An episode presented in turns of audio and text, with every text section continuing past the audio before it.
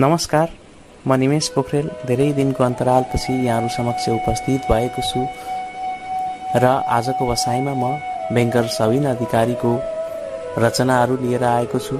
सबिन अधिकारीका तिनवटा रचनाहरू म यहाँहरू समक्ष आजको बसाइमा वाचन गर्नेछु। सबिन अधिकारी समय सान्दर्भिक विषयमा कलम चलाउने व्यक्तित्व मेरा अति नै आदरणीय व्यक्तित्व आँखामा राख्दा पनि नरिजाउँ स्थान बनाउनुभएका म उहाँलाई कवि भन्न रुचाउँछु तर उहाँ आफूलाई कवि भन्न रुचाउनुहुन्न।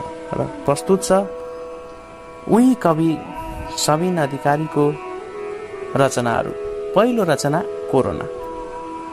कविता छ जुन उखपात गर्मीमा डुल्थ्यौँ हावा खान राति राति कहिले ल्याउने कहिले पुर्याउने गर्थ्यौँ साथी साथी यसरी नै बित्दै थिए दिनहरू वर्षौँ माथि।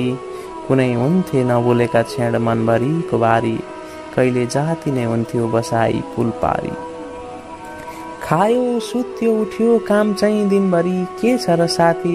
अब सम्झना मात्र बाँकी कोरोना छ देशमा घरभित्रै बस्ने त हो अतीतका हरकतहरू सम्झँदै बस्ने त हो। र यस कवितामा उहाँले कोरोनाले पुर्याएको साथीभाइहरू बिचको वैमनस्यतालाई यहाँ प्रकट गर्नुभएको छ।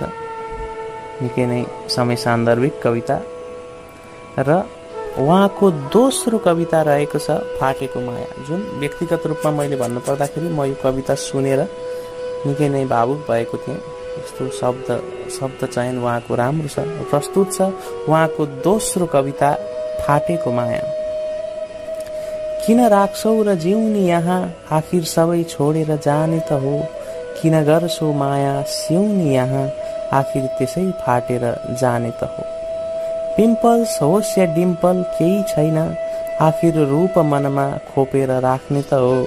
चञ्चल होस् या शालीन आखिर स्वभाव बुझेर मिल्ने त हो। किन हुन्छौ र विचलित यहाँ? आखिर मनसँग मुटु साटेर लाने त हो। किन गर्छौ माया सिउनी यहाँ? आखिर त्यसै फाटेर जाने त हो। निकै मायाको परिभाषा उहाँको यस कवितामा देख्न सकिन्छ निकै पनि निकै राम्रो प्रस्तुति उहाँको शब्दमा। र यसै गरी उहाँको तेस्रो कविता म यहाँहरू समक्ष वाचन गर्न गइरहेको छु कलियुगको प्रेम। तिनी को हुन् जो धर्म सोध्छिन् मेरो बताऊ कसरी के छ र मर्म मेरो प्रश्न कति छन् म सोध कसरी गरुडको अगाडि सर्प जसरी। मान्छेको अघि मूर्ति खडा छ सम्झँदै बस्नु नै बडा मजा छ। गोरो वर्ण उनको केस चाहिँ उठेका मयुरका झैँ जिउडाल दन्त लहर मिलेका। सपनी नै हो कि विपना पो जस्तो कलियुगमा नि प्रेम होला कस्तो? निकै नै कलियुगको प्रेमको परिभाषा गर्नुभएको छ कविले यो कवितामा। निकै राम्रो कविताहरू यहाँहरू समक्ष पस्ने जस्तो त मलाई लाग्छ। तर अब ताली र गाली दिने त हजुरहरूकै काम हो स्रष्टाहरूको श्रोताहरूको। र यसै गरी आजको बसाइमा म बिदा माग्न चाहन्छु। धन्यवाद।